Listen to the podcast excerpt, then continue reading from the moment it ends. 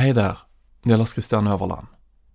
Om du gir meg et par minutter, skal jeg fortelle deg om framtida til en mørk historie, og hvordan du kan få tilgang til alle serieepisodene med en gang, før alle andre. Vi på Third Air Studio vil lage noen av Norges beste dokumentarer, og vi fortsetter å produsere en mørk historie, oftere og enda mer ambisiøst. For å gjøre det trenger vi din støtte. Derfor lanserer vi nå en tjeneste som heter Third Air Plus. Der kan du som lytter via Apple Podcaster eller Acast, bli abonnent. Du kan forhåndslytte til alle episodene med en gang vi slipper nye serier, uten å bli forstyrra av reklame. Og etter hvert ønsker vi å slippe eksklusive episoder, kun for deg som abonnerer. Og kanskje helt egne programmer. Takk for at du har lytta så langt. Om du vil støtte oss på reisen og bidra til flere og bedre dokumentarer, bli abonnent på Apple Podcaster. Eller følg lenka i episodebeskrivelsen til Acast nå. Tusen hjertelig takk. Millions of people have lost weight with personalized plans from Noom, like Evan, who can't stand salads and still lost 50 pounds. Salads, generally, for most people, are the easy button, right? For me, that wasn't an option. I never really was a salad guy. That's just not who I am. But Noom worked for me. Get your personalized plan today at Noom.com. Real Noom user compensated to provide their story. In four weeks, the typical Noom user can expect to lose one to two pounds per week. Individual results may vary. Ryan Reynolds here from Mint Mobile. With the price of just about everything going up during inflation, we thought we'd bring our prices down. So to help us, we brought in a reverse auctioneer, which is apparently a thing. Mint Mobile unlimited premium wireless. Ready to get 30, 30, bit to get 30, bit to get 20, 20, 20, bit to get 20, 20, bit to get 15, 15, 15, 15 just 15 bucks a month. So, Give it a try at mintmobile.com slash switch. $45 upfront for three months plus taxes and fees. Promo rate for new customers for limited time. Unlimited more than 40 gigabytes per month. Slows. Full terms at mintmobile.com. For det var, jo, det var jo en som blei drept der. Og det fant de vel aldri helt ut av hvem Eller gjorde de det? Hvem som, hvem som var skyldig i det. Så det er enten ja eller nei, frifunnet eller ikke. Og så går han da ut som fri mann, og så Og vi Vi er jo da dømt til en helt annen type liv enn det vi hadde før, før her skjedde. Så jeg må jo si sånn her at Frode fortjente aldri dette her. Ble du, ble du glad i det? Ja ja, alle ble jo glad i Frode. Så er det helt uforståelig hvor kniven har kommet fra som drepte Frode. Den ene av disse menneskene her var jo såpass ustabil at han kunne sitte og se på et høl i taket og tenke at han blei filma til enhver tid. Ikke sant? Han var jo helt urasjonell. En av disse sykepleierne da, som var med denne ambulansen, da, som mente å ha sett en person løpe fra åstedet. Du hører på en mørk historie. Det glemte drapet, del to av to.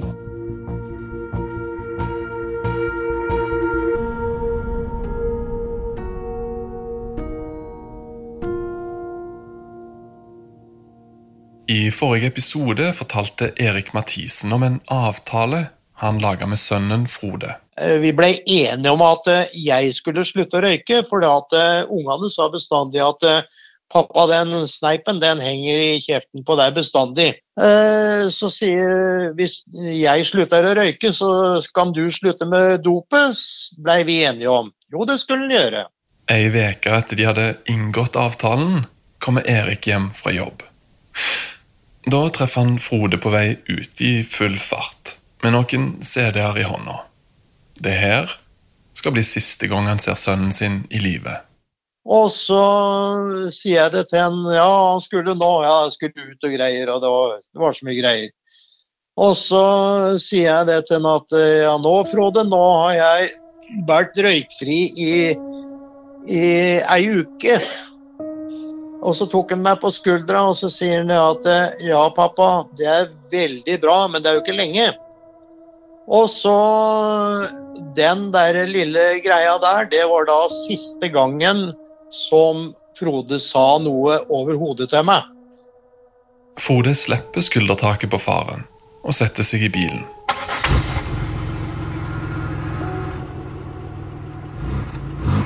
Og kjører sannsynligvis til festen hvor det går galt.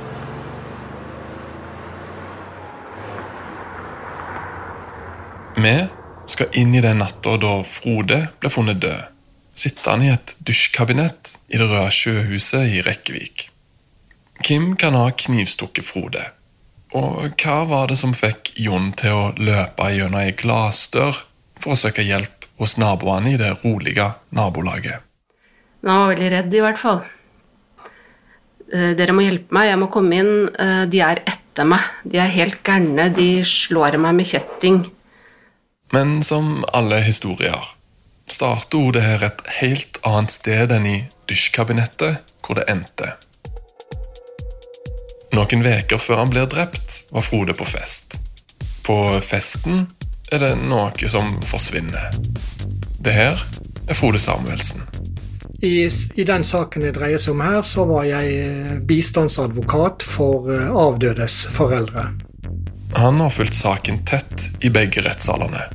Eh, hvis, hvis man går litt grann tilbake i tid, på en av disse festene han angivelig skal ha vært på, På denne festen dukker det opp to karer. Den ene av disse to, la oss kalle han Kenneth, ble viktig senere i historien. Disse to har med seg en god del dop på festen.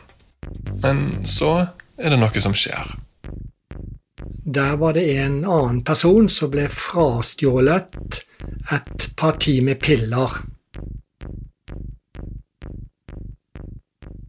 Ifølge dommen fra Larvik tingrett i 2002 er det stort sett ecstasy og litt Rohypnol amfetamin til sammen en verdi på 25 000-30 000 som blir borte. Noen bekjente av Frode Mathisen var da på, et, på en fest, eh, ikke i Larvik, men borte i Porsgrunn, Skien-Porsgrunn-distriktet. Og der kom denne, denne saken opp da i, i, i denne anledning. Altså det begynte å bli snakk om disse pelene som var forsvunnet, og angivelig hvem som kunne ha tatt de. Og Da ble det antydet da fra noen av disse deltakerne på den festen som var fra Larvik, at eh, det var visstnok Frode Mathisen da som hadde tatt eh, tablettene. Hvorfor Frode blir mistenkt for å ha tatt pillene, er litt usikkert. Men det kan være verdt å nevne at Kenneth først mistenker Jon, som noen timer skal løpe gjennom ei glassdør ut i natta. Men under samtalen som Kenneth og Jon har seg imellom, blir mistanken etter hvert retta mot Frode. Og da ble det da laget i stand en, en, en gjeng med folk som da fant ut at de da skulle dra eh, til Larvik og oppsøke Frode Mathisen for å få han til å tilstå at han hadde tatt disse pillene, angivelig for penger fra, fra han for de da. Eh, noe han hele tiden nektet for selv. Hvordan stemninga var i bilen, vet jeg ikke, men det går an å se for seg at de kanskje spilte høy musikk, mens de muligens kjørte ganske fort. Kanskje var det til og med litt oppjaga og god stemning i bilen på vei til festen hvor Frode er. Om det var sånn, så tviler jeg på at de sjøl vet at det her er et stille øyeblikk før stormen som kommer til å havne ut av kontroll. For på vei til Frode ønsker Kenneth at de stopper og tar med seg en tredjemann. En torpedo. Hvordan han er kobla til pillene som forsvant, vet vi heller ikke. Men én ting er sikkert. Noen har påkalt den indre justisen fra en helt annen verden enn rettssystemet. De startet opp da med å besøke Frode Mathisens eh, bopel. Når de kommer inn i Det røde sjøhuset, har Frode nachspiel med fire venner. Disse fire blir sendt inn på badet, og Kenneth, Jon og torpedoen begynner å presse Frode til å tilstå at han har tatt pillene. Den er i hvert fall den ene av disse som var med en, en torpedo da fra Porsgrunn, begynte da å mishandle Frode. Torpedoen har fått tilbud om å fortelle sin versjon av historien. Han har ingen kommentar til saken. Han hadde med seg et hundebånd som han festet rundt halsen på Frode, og så fikk han, han, fikk han Frode Mathisen da, til å krabbe rundt på gulvet og bjeffe som en hund, og drev og sparket han og plaget han i den forbindelse. Etter kort tid velger Kenneth å gå ut av sjøhuset. Han har òg fått tilbud om å fortelle sin versjon av historien, men har takka nei, fordi han har startet et nytt liv. I en sak fra ei lokalavis framgår det at han ved flere anledninger hjelper politiet å lete etter omkomne som drukner. Der forteller han at det er viktig for de pårørende å få en avslutning på saken. Men etter Kenneth har gått ut av leiligheten, fortsetter mishandlinga av Frode i ca. en time. Men det er ingen som griper inn. Sannsynligvis fordi de er redde. Eh, men eh, det førte ikke noe Altså Det førte ikke til at Frode Mathisen da tilsto at han hadde tatt dette. Han eh, nektet for det hele tiden. Etter en stund tar de tre mennene med seg Frode på en kjøretur. Og så kjørte de av gårde med han opp Lågendalen i et steinbrudd der, og der fortsatte de da med mishandlingen av Frode Mathisen. Frode blir sparka, slått og kasta ned fra ei klippe. Det er ingen tvil om at det er torpedoen som leder an i mishandlinga av Frode. Både han og Kenneth innrømmer dette i rettssakene, og ble senere dømt for det. Hele dette faktiske forholdet det ble beskrevet av de som var involvert eh, i retten. Jon er òg dømt for å ha mishandla Frode. Han tilsto også en del av de handlingene her, da på, nå husker jeg, tror jeg det var på veien tilbake igjen til Larvik etter de forlot dette steinbruddet, så hadde han skulle svi av fingeravtrykkene på fingrene til Frode Mathisen. Så det, det, var, det gjorde han, og det erkjente dette er jo ren tortur. Men han, han anførte da selv at dette ble gjort under trussel mot han selv. da. Her har det bare gått over stokk og stein. Det her er Trond Einar Frednes. Han satt inne når han fikk en telefon om at kompisen Frode var blitt drept. Og, og det var jo også det på den tida, et veldig lokka miljø. Trond Einar kjenner miljøet til Frode fra begynnelsen av 2000-tallet godt. I dag jobber Trond Einar med ungdommer for å forebygge kriminalitet. I boka Bad Boy tar han leserne med på innsida til noen av de tyngste kriminelle miljøene i Norge. Det er det blikket jeg gjerne vil ha på det her. For jeg får ikke det som skjedde, til å henge på greip. For det, på en måte så, altså det er jo en ekstrem vold, men det virker jo veldig ufokusert. Men akkurat når det kommer til sånne saker som det der, eh, det å ta en mann ut, plagen og holde på sånn, som absolutt ikke er kriminell eh, Å holde på sånn som de har holdt på med ham, det er jo bare skammelig. Det er presis det her jeg ikke skjønner. Det høres kanskje absurd ut for oss med streite liv, men den kriminelle verden sin indre justis har òg regler. Men selv om Frode hadde tatt pillene, så virker det som skjedde med han som helt uproporsjonalt med de indre reglene. For der, der skal det gå en grense, ikke sant? Her skal det gå en veldig sånn etisk grense, og jeg hadde jo skjønt på en måte litt sånn ut ifra den mann som jeg var, hvis eh, og ut ifra det miljøet jeg var i, at hvis dette her hadde vært reelt store partier, reelt mye penger, mennesker som kunne få store konsekvenser, eh, så hadde jeg på en måte skjønt liksom sånn, men, men denne plaginga og holde på sånn men, men, her var det jo ingen av delene. Så her har det bare uh, gått altfor langt, for å si det sånn. Så hvilke krefter er det da som har vært i sving? Ok, så Hvis jeg forstår det rett, da tenker du at underveis her så har de på en måte brutt ned sine egne grenser, og så er det bare Ja, det er det, er ingen tvil om. ikke sant, At her har man på en måte eh, for å forklare dette miljøet her litt, så er jo dette her mennesker som eh, den gangen eh, dro også på fest. Noen tyna det mye lenger enn andre. Og når de tyner det så langt som de har tyna det her sånn, Den ene av disse menneskene her var jo såpass ustabil at han kunne sitte og se på et høl i taket og tenke at han blei filma til enhver tid.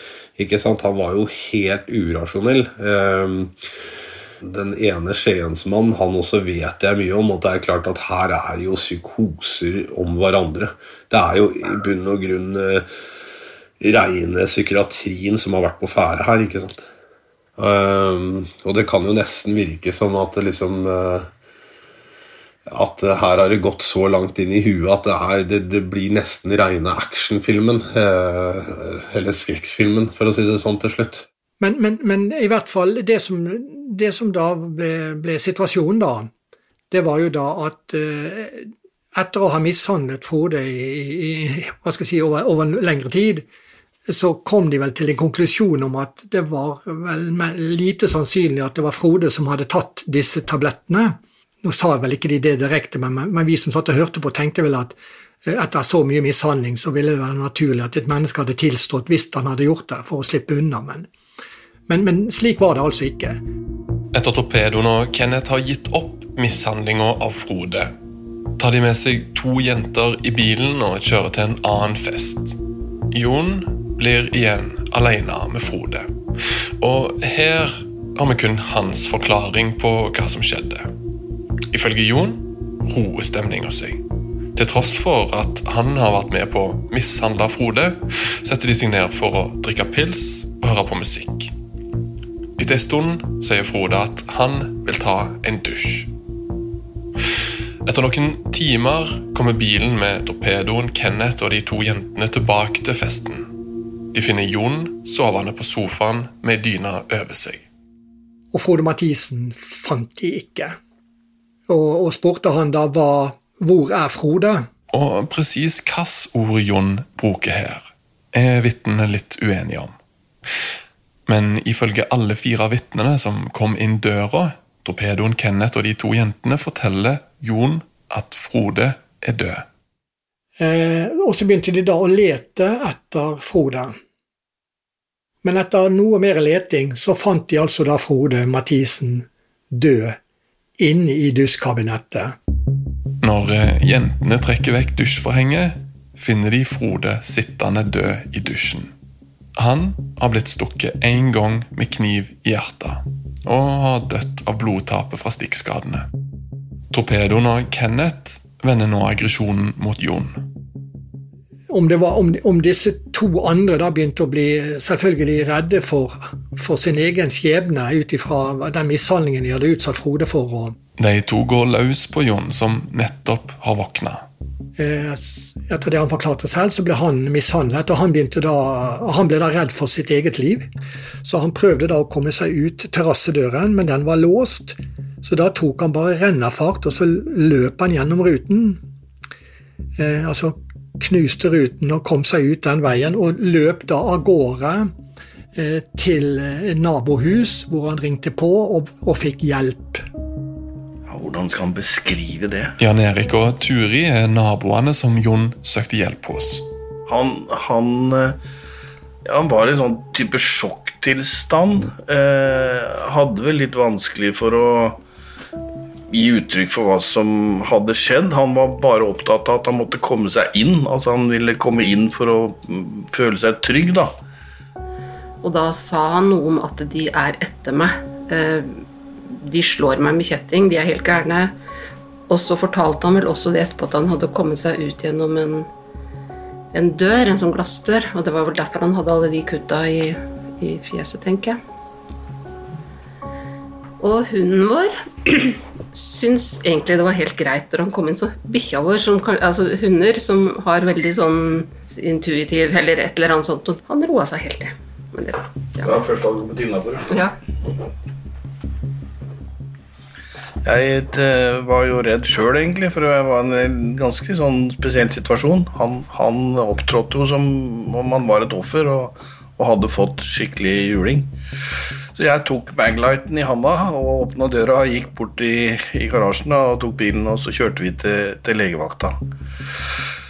Jeg husker ikke hva som skjedde i bilen, men jeg prøvde vel å spørre ham om ting. Men, eh, men jeg, jeg, har ikke noe, jeg husker ikke hva han svarte. Men på legevakta så når han oppga navnene og sånn, så sjekka de inn, og det var jo tydelig at de hadde vært borti han før.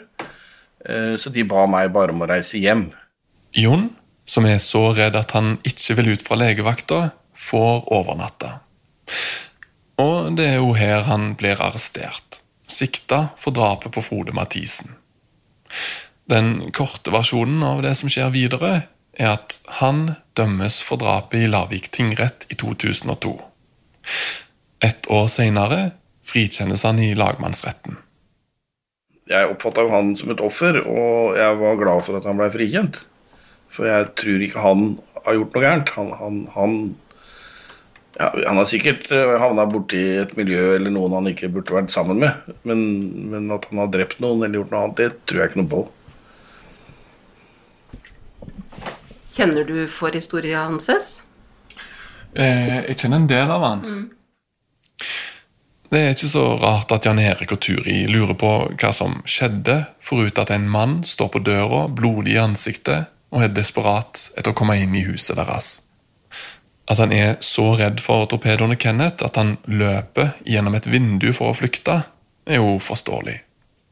Han har jo sjøl vært med på nedverdigelsene, mishandlinga og tortureringa som pågikk over flere timer. Riktignok forteller han at han følte seg trua av de to andre til å gjøre det, men de to var på en annen fest, sammen med de to jentene som ble med i bilen når drapet skjedde, og har alibi. Så Kim knivstakk og drepte Frode.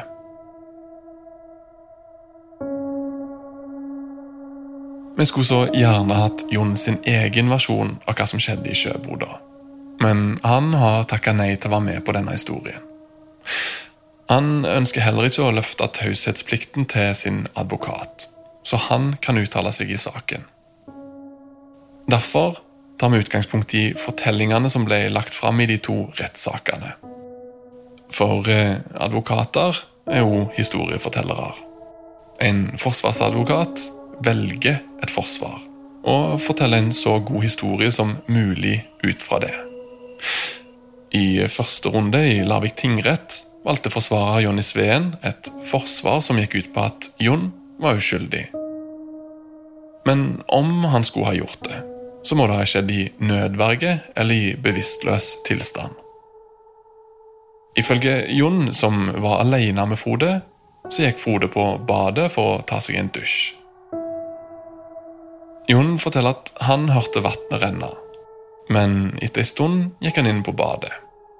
Eh, vannet sto rant, men han hadde ikke dusjet. Da satt Frode på gulvet med ryggen mot veggen. De to sitter på gulvet og prater litt. Frode skal ha sagt at han tror alt kommer til å løse seg. Men så skal Frode plutselig ha klemt armen rundt halsen på Jon i et kvelertak så hadde da Frode tatt kvelertak på han. Og, eh, og, eh, og etter det eh, så husker han ikke noe mer. Før han ligger da på sofaen med dyne over seg og så og ble vekket av disse fire andre. Det er nå, ifølge alle de fire vitnene, at Jon svarer at Frode er død, når de lurer på hvor han er. Ifølge tre av vitnene skal Jon O ha nevnt noe om et basketak. Når de etter hvert finner Frode i dusjen, beskylder Torpedoen og Kenneth Jon for å ha drept Frode. Torpedoen slår han med ei hundelenke, og Kenneth slår han i hodet med ei flaske, før Jon flykter gjennom glassdøra. Men tingretten peker på at det er noe som ikke gir helt mening med denne forklaringa. For Frode ble jo drept med kniv. Så er det helt uforståelig hvor kniven har kommet fra som drepte Frode. I forklaringa til Jon er det ingen kniv som er med inn på badet. Altså, Man gikk inn på badet for å ha en vennlig prat med Frode. Hvorfor skulle han da ha med seg kniv? Det virker også lite sannsynlig, hvorfor skulle han gjøre det? Men så under da denne situasjonen som oppstod, hvor Frode prøvde å kvele han, så må han jo for så vidt ha kommet seg ut av kvelertaket, gått inn i leiligheten, funnet en kniv, gått tilbake og drept Frode, eventuelt i bevisstløs tilstand. Og det fant retten helt usannsynlig. De sakkyndige i rettssaken kan ikke utelukke helt at Jon var bevisstløs, men de går langt i å si at det er usannsynlig. Og Derfor valgte tingretten da å, kjenne han skyldig. altså de, de Verken nødverge eller bevisstløshet eller noe sånt ble tatt til følge, og han fikk tolv års fengsel. Forsvaret i tingretten feila, men Jon anker. Og før saken kom opp i lagmannsretten, bytta han advokat. Henning Vikborg endrer Forsvaret, fra bevisstløs eller utilregnelig til at det ikke lar seg utelukke at noen andre kan ha tatt seg inn i den lille sjøboda mens Jon sov på sofaen. Og knivstukket Frode. Det her må altså ha skjedd etter basketaket hvor Frode tok kvelertak på Jon på badet. For det forteller jo Jon om sjøl. Og det er særlig ett vitnemål som er viktig for historien som dette forsvaret bygger på. Når torpedoen og Kenneth finner Frode død, så ringer de politiet rundt klokka to om natta. Etter at disse da har ringt til politiet, så kommer jo da eh, ambulanse til stedet først. Ambulansen får beskjed om at stedet er sikra av politiet. Og eh, det er da en anestesisykepleier som da er med denne ambulansen. Anestesisykepleieren går inn på badet og konstaterer at Frode er død, og at livet ikke står til å redde. Men så får hun kontrabeskjed. Politiet har allikevel ikke sikra åstedet. Det er en opphissa og uoversiktlig stemning. Hun trekker seg ut fra drapsstedet og setter seg i ambulansen. Og det er her fra ambulansen, litt over klokka tre om natta, at hun ser det som blir sentralt for Forsvaret i lagmannsretten. Og hun forklarte da i retten at hun hadde da sett en person løpe fra leiligheten.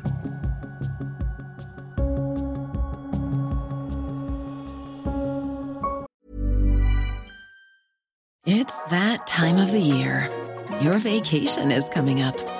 You can already hear the beach waves, feel the warm breeze, relax, and think about work. You really, really want it all to work out while you're away. Monday.com gives you and the team that peace of mind. When all work is on one platform and everyone's in sync, things just flow wherever you are. Tap the banner to go to Monday.com. Ryan Reynolds here from Mint Mobile. With the price of just about everything going up during inflation, we thought we'd bring our prices down. So to help us, we brought in a reverse auctioneer, which is apparently a thing. Mint Mobile unlimited premium wireless. Ready to get 30, 30, bit to get 30, bit to get 20, 20, 20, bit to get 20, 20, bit to get 15, 15, 15, 15 just 15 bucks a month. So, Give it a try at mintmobile.com/switch. slash $45 upfront for 3 months plus taxes and fees. Promo rate for new customers for limited time. Unlimited more than 40 gigabytes per month slows. Full terms at mintmobile.com. How would you like to look five years younger? In a clinical study, people that had volume added with Juvederm Voluma XC in the cheeks perceived themselves as looking five years younger at six months after treatment. Look younger, feel like you. Add volume for lift and contour in the cheeks with Juvederm Voluma XC. Reverse signs of aging by adding volume to smooth laugh lines with Juvederm Volure XC. For important safety information and to find a licensed specialist, visit juvederm.com. That's J U V E D E R M.com. Not for people with severe allergic reactions, allergies to lidocaine, or the proteins used in Juvederm. Common side effects include injection site redness, swelling, pain, tenderness, firmness, lumps, bumps, bruising, discoloration, or itching. There's a risk of unintentional injection into a blood vessel, which can cause vision abnormalities, blindness, stroke, temporary scabs, or scarring. Talk to a licensed specialist to find out if it's right for you. Hiring for your small business? If you're not looking for professionals on LinkedIn, you're looking in the wrong place. That's like looking for your car keys in a fish tank. LinkedIn helps you hire professionals you can't find anywhere else, even those who aren't actively searching for a new job but might be open to the perfect role. In a given month, over 70% of LinkedIn users don't even visit other leading job sites. So start looking in the right place. With LinkedIn, you can hire professionals like a professional. Post your free job on linkedin.com slash people today.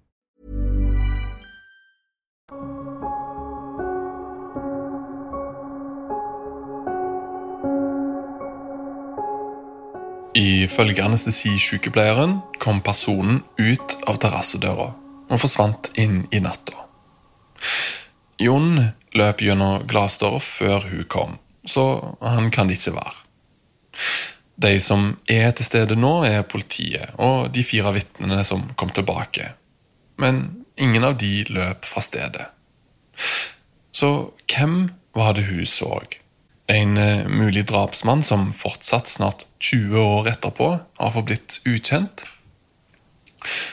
Observasjonen hennes er òg gitt plass i dommen fra tingretten. Men der avskrives det hun så med at hun gjorde det fra sykebilen. At hun var redd og oppspilt etter å ha funnet en mann drept. Og at hun kan ha forveksla personen hun så løpe fra stedet med en av politimennene eller vitnene. Eller at fantasien rett og slett har spilt henne et puss. Og så er det en annen ting. For det er ingen på innsida som har sett den ukjente personen som løp fra stedet. Men det som er merkelig, da, det er jo at de fire da som kom til leiligheten, som fant Frode død etter å ha letet gjennom leiligheten først, det høres veldig, veldig merkelig ut at det skal da ha oppholdt seg en en sjette person inne i denne leiligheten, som da på et eller annet tidspunkt ser sitt snitt til da å løpe ut bakdøren på denne leiligheten, og ingen av de fire har sett eller observert eller ja, registrert noe som helst. Det er jo verdt å nevne at Sjøboda ikke er akkurat et palass, men et ganske lite hjem med stua, bad og soverom. Og at heller ikke politiet som var ankommet åstedet, så personen på innsida. Men forsvareren i lagmannsretten peker på at de andre vitnene var kriminelle, innblanda i mishandling av Frode og rusa, mens sykepleieren var erfaren og vant til å håndtere stressa situasjoner og dødsfall. Tiltalte ble altså da frifunnet i lagmannsretten, og slik endte den saken. Dersom Jon hadde stilt til intervju, er det spesielt én ting jeg så gjerne skulle ha spurt han om.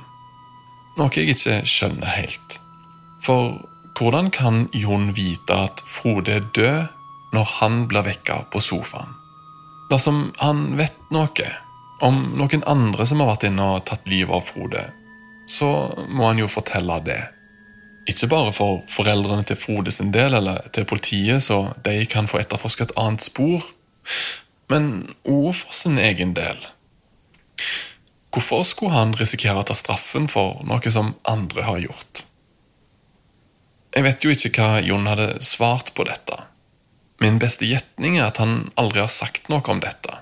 At de fire vitnene som kom inn døra, og Kenneth Torpedoen og de to jentene, ikke snakker helt sant. Men kan det ikke være et mulig tredje scenario her, da? At, at eh, de fire vitnene lyver? Ja, for all del.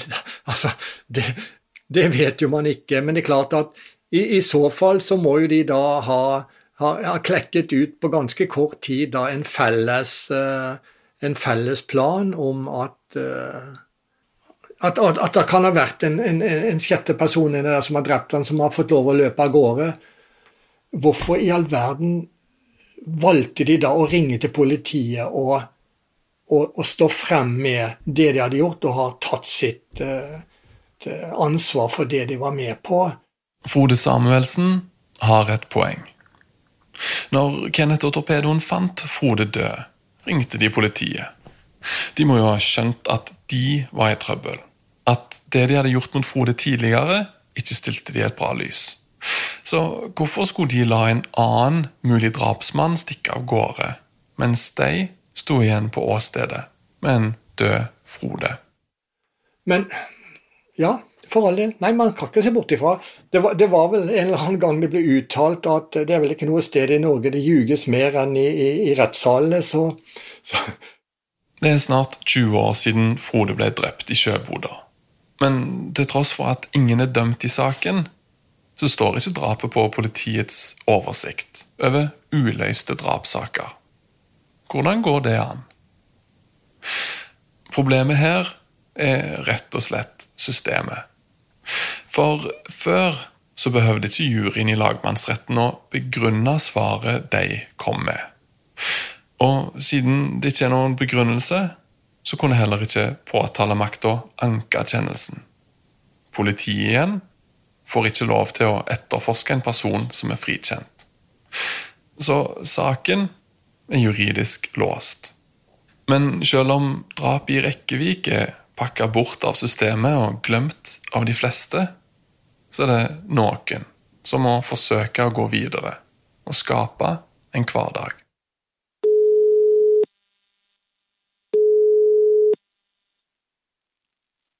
Hallo, hallo. Ja.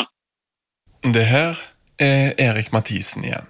Hva, hva, hva holder du på med? Jeg holder på øh, å legge piller i en sånn dosett for Anne Grete. Det er øh, greit å ha det sånn, har vi funnet ut. Tidligere så var det vel at det gikk litt i hytt og pinne, og det har ordna seg når du får, øh, når du får tilmålt, kan du si. Det er én ting jeg lurer litt på. Sist gang han så Frode i live, nevnte han avtalen de to hadde inngått. At eh, han skulle slutte å røyke dersom Frode slutta med dopet. Erik hadde da lagt bort rullingsen i ei uke.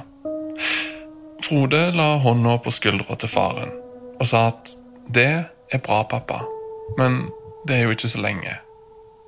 Før han kjørte av gårde. Jeg tenker bare sånn I den tida etterpå, liksom Det må jo, Etter Frode døde må jo ha vært utrolig tungt. Når ting er, Ja. er tungt og vanskelig, så da, blir, da kan jo det fort bli en sånn trøst, da. Ja, ja. Kjente du aldri på det? Nei, altså faktisk alt så gjorde jeg ikke det, for at eh, tanken på, på Frode, da, som den avtalen vi hadde inngått, og tenkte med meg sjøl at selv om han ikke får oppleve at jeg ikke røyker, så er det iallfall en trøtt på meg sjøl at eh, jeg har holdt vår del av avtalen. Men eh, du må være Du må være sterk. Det må du være. Hva, det, hva tror du det var som gjorde at du klarte å være sterk? det var kombinasjon at eh, jeg ikke burde gjøre det, og at jeg skulle da holde en avtale med Frode. eh, For det, at det, var jo også et inderlig ønske fra vår del da, at Frode skulle slutte med den helgedopen som han hadde eh, tatt del i. Det var jo ikke bare sånn at jeg tenkte på meg sjøl, for det har jo aldri vært sånn i forhold til det. Nei. Nei. Ikke sant. Altså, når, når, I sånne saker som det her, når For det først, først mister du sønnen din, og så kollapser systemet. Går det an å gå videre, da? Ja. Vi har jo, for det første så har vi ikke noe valg. Men vi må jo alle forsøke å finne en måte. Og øh, kona og jeg har jo øh, sånn sett Det sliter jo veldig på forholdet. Det som har holdt meg oppe, har vel egentlig vært øh, øh, det at jeg har forholdt meg til det som øh, har blitt sagt i rettssalen. Da hadde jeg liksom en slags sannhet å forholde meg til, og det følte jeg har vært viktig for meg. Men for kona er jo ikke det er jo tvert om. Hun lever jo med usikkerheten den dag i dag. Nei, du, blir, du må finne en måte å leve med det, men du blir jo aldri ferdig med det. Mm. Tror du du noen gang skal få svar? Ja, håpet går jeg for så vidt rundt med. Eh, men eh, eh, jeg har vel egentlig veldig liten eh, tro på at det skjer noe mer. Det har jeg vel. Men eh, det virker jo som at det ikke er noen som vil ta tak i det. Skal du måke snø i dag? Det, det snør ute. Skal du måke? Ja, det har jeg gjort. Jeg var ute litt før ni, og så her, her er det veldig bra. Men jeg må jo ut med rullestolen til Anne Grete, da, så det er å få baksla det fram, da. Ja. Og da er det jo greit å ta et lite tak før, eh, til før vi skal av gårde. Glitrende. Tusen takk. Ok, ha det godt. Ha det godt, Ha ja.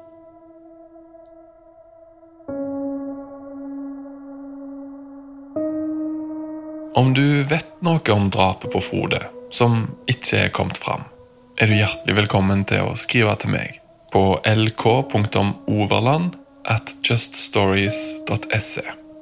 Du har hørt på en mørk historie, Det glemte drapet del to av to.